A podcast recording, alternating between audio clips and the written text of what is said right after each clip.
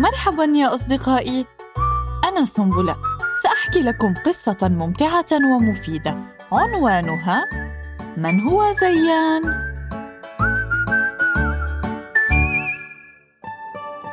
وائل ولد صغير. هو تلميذ مجتهد ورسام ماهر. يذهب وائل إلى المدرسة فيدرس قليلاً ويرسم كثيراً. لوائل أخت اسمها أحلام. هي أيضاً تلميذة مجتهدة. تذهب أحلام إلى المدرسة تدرس قليلاً وتجمع الأزرار فتلونها أحياناً وتصنع منها ألعاباً أحياناً أخرى.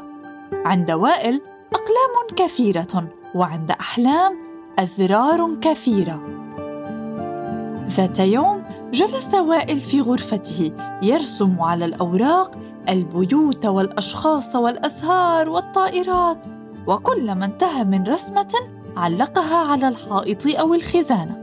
وجلست أحلام تلون الأزرار وترسم عليها وجوها أو تربط بعضها بخيط وتصنع منها عقدا أو لعبة اليويو. رسم وائل دائرة صغيرة ودائرة كبيرة ومد بينهما خطا. وجاءت أحلام ووضعت زرا صغيرا على الدائرة الصغيرة وزرا كبيرا على الدائرة الكبيرة. ثم قالت يا وائل أنت ترسم وأنا أضع الأزرار ونكمل الرسم. فتغدو عندك صورة إنسان هل تقبل؟ أجاب وائل نحاول ونرى. وهكذا بدأ وائل يرسم ثم جاءت أحلام ووضعت الأزرار على الرسم. فظهرت صورة إنسان أعجبت وائل كما أعجبت أحلام. عندئذ قال وائل يا أحلام هذا إنسان نسميه زيان هل توافقين؟ ردت أحلام طبعا أوافق. وتابعت زيان اسم جميل. رفع وائل الرسم ليعلقه على الحائط. فكرجت الأزرار وانتشرت على الأرض وكرج بعضها وضاع وذهبت صورة الإنسان. غضبت أحلام وصرخت. وتناولت أقلام وائل وشوهت الرسم غضب وائل وشد شعر أحلام فبكت وصرخت وحاولت أن تمزق الورقة هنا دخلت الأم وسألت ما هذا الصراخ؟ لماذا تبكين يا أحلام؟ وأنت يا وائل لماذا تقف هكذا؟ قالت أحلام أضاع أسراري قال وائل خربشت بالقلم الرسم قالت أحلام أريد الأزرار رسمت عليها وجها وأظافر قالت الأم اهدئي سنعيد إليك الأزرار. كم هو عددها؟ قالت أحلام لا أعرف كم عددها. أعرف أن الأزرار يبقى منها زر واحد إذا أخذت الأزرار اثنين اثنين. أما إذا أخذت الأزرار ثلاثة ثلاثة فلا يبقى منها ولا زر. قالت الأم كم عدد الأزرار يا وائل؟ أجاب وائل بغضب وأنا لا أعرف أيضا. قالت الأم حسنا فكر فيما قالته أحلام حتى تعرف. وأنت يا أحلام هل خضت الأزرار حتى لا تقع عن الرسم؟ أجابت أحلام بصوت منخفض لا لم أخطها. قالت الأم حسنا فكري جيدا واعلمي أن الأزرار لا تبقى على الورقة إذا لم تجدي طريقة ما للصقها. والآن انتهى وقت الرسم. لنذهب إلى العشاء وغدا تعيدان الرسم. قال وائل أنا أريد زيان. وقالت أحلام أنا أريد زيان أيضا. كان جميلا ومهضوما. بالوجه الذي رسمته على الزر الكبير الأبيض. تدخلت الأم. إلى الغد لتعيدا ما فعلتما. قالت أحلام وعدد الأزرار من يعرفه؟ قالت الأم وائل سيفكر قليلا ويجده. أليس كذلك يا وائل؟ هز وائل رأسه موافقا وغادر الجميع غرفة الرسم. في اليوم التالي عاد وائل إلى غرفة الرسم ومعه الأقلام وعادت أحلام تحمل كيس الأزرار وقد جلبت إبرة ومجموعة من الخيطان الملونة ووجدت على الطاولة قطعا من أوراق الكرتون الأبيض. فعرفا أن أمهما قد حضرت هذه الأوراق لتقول لهما هنا مكان الإنسان الذي فعلتموه. جلس وائل يعيد الرسم بينما جلست أحلام ترسم على الأزرار استعدادا لتكمل ما بدأ به وائل. انتهى الرسم وظهرت ملامح إنسان. جاءت أحلام مع الإبرة والأزرار والخيطان وراحت تخيط كل زر في المكان المناسب. زر الوجه زر الجسم زر الرجلين وزر اليدين. وكانت تختار لونا لكل عضو وتترك طرف الخيط طويلا حتى إذا ما شدت الخيط تحرك العضو وتحرك زيان.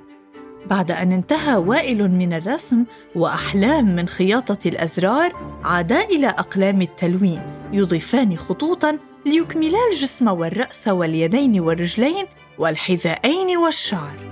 وأخيرا اكتملت الصورة. رفعها وائل فلم تكرج الأزرار فبدا الرضا والفرح على وجه كل من وائل وأحلام وعلقا اللوحة فوق المكتبة على الحائط ورفع وائل كل الرسوم الأخرى. بينما بدأت أحلام تحرك الخيطان لتتأكد من نجاح عملها. وكم كانت دهشتها عظيمة عندما كانت تسمع خشخشة ترافق الحركة وقالت انظر يا وائل هذا زيان لا يتحرك فقط. بل يحكي أيضا صارت لدينا شخصية مثل شخصيات الدمى المتحركة التي نشاهدها في الصف. بدا وائل مذهولا فرحا ممنونا من نصيحة أمه وعمل أخته وقال هل تعرفين يا أحلام؟ نجحنا في عمل الشخص والآن علينا أن نحضر له الكلام وندعو الماما لمشاهدة الحفلة ونخبر أصحابنا في المدرسة عن مغامرات زيان. إلى الغد حتى نجد الكلمات والجمل المناسبة. أجابت أحلام سأطلب المساعدة من صديقتي ندى فهي ماهرة جدا وعندها الكثير من الأفكار والكلمات. عادت أحلام يوما ومعها أكثر من عبارة تعلمتها من ندى ووقفت أمام صورة زيان المعلقة على الحائط ورددت الكلمات وشدت الخيطان فتحركت الأزرار وأحدثت نغما جميلا كأنها تصفق تصفيقا خفيفا فتضحك أحلام ويضحك وائل ويقولان زيان يضحك زيان فرحان. هكذا أصبح زيان بطل أحداث يتناقلها أحلام ووائل ويخبران أصحابهما بها. وبقي زيان على الحائط على يمينه باب وعن يساره خزانة فيها ألعاب فوقه سقف وتحته طاولة عليها أقلام وألوان وأمامه نافذة تطل على الحديقة. ذات يوم أشرقت الشمس فدخل شعاع وغمر رأس زيان. أحس زيان بحرارة فالتفت ونظر إلى الخارج من خلال زجاج النافذه فرأى شجرة عالية عليها عصفور يطير من غصن إلى غصن. ثم جاء العصفور ووقف على حافة النافذة تحرك زيان وصفقت الأزرار فخاف العصفور وطار. أعاد زيان رأسه إلى مكانه وتوقف عن الحركة. زيان حردان لأنه أحدث صوتا جعل العصفور يعود إلى الطيران ويذهب بعيدا ويذهب إلى البستان. وكان يوم الخميس هو اليوم الذي يبدأ بحصة المحادثات واستعراض أخبار التلاميذ وهو اليوم الذي ينتظره الجميع في الصف. دق الجرس وحان وقت الدرس فدخل الأولاد وراح كل واحد يسلم على المعلمة وهي ترد التحية وتقول صباح الخير يا وليد صباح الخير يا ندى أهلا عصام مرحبا زينة. بعد قليل نظرت إلى وائل وقالت صباح الخير يا وائل. لم أسمع صوتك ولا تحيتك. ما بك؟ لماذا أنت حزين؟ أجاب وائل. أنا حزين لأن زيان حردان وهو يريد صديقا. سألت المعلمة من هو زيان؟ هل هو أخوك أو ابن الجيران؟ رد وائل. كلا زيان إنسان رسمته على ورقة. جاءت أختي أحلام ووضعت الأسرار على جسمه. سميته أنا زيان. وعلقته على الحائط. سمع الأولاد حكاية وائل فسكتوا وأنصتوا وانتظروا النهاية. لماذا هو حردان؟ سألت المعلمة. ربما هو متعب اليوم؟ غدا تخبرنا المزيد عنه. والآن نعود لنستمع إلى أخبار أصحابك.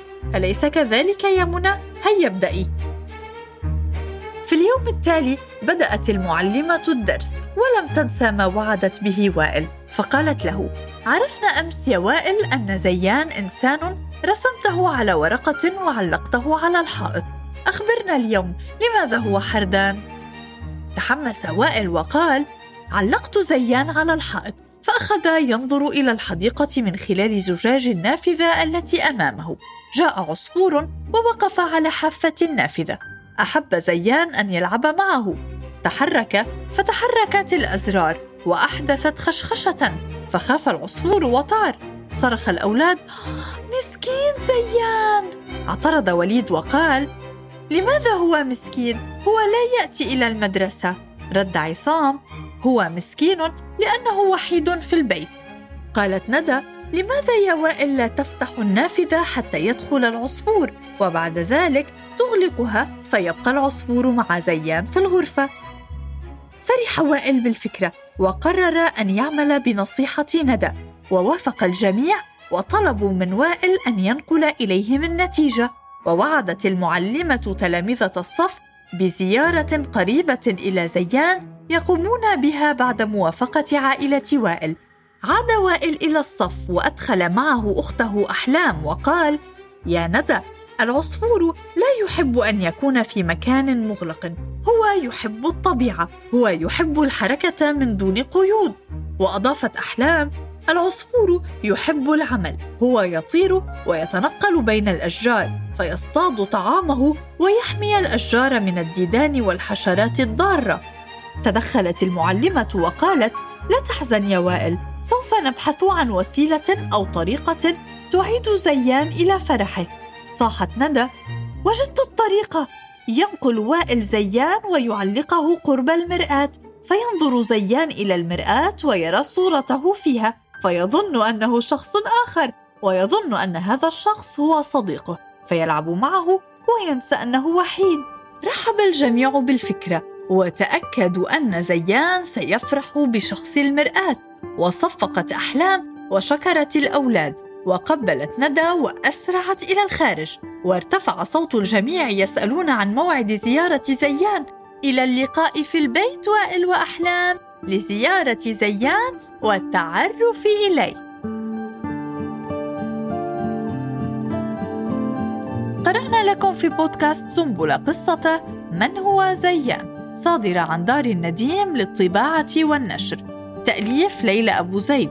قراءة سارة خازم وإخراج حسين حجازي.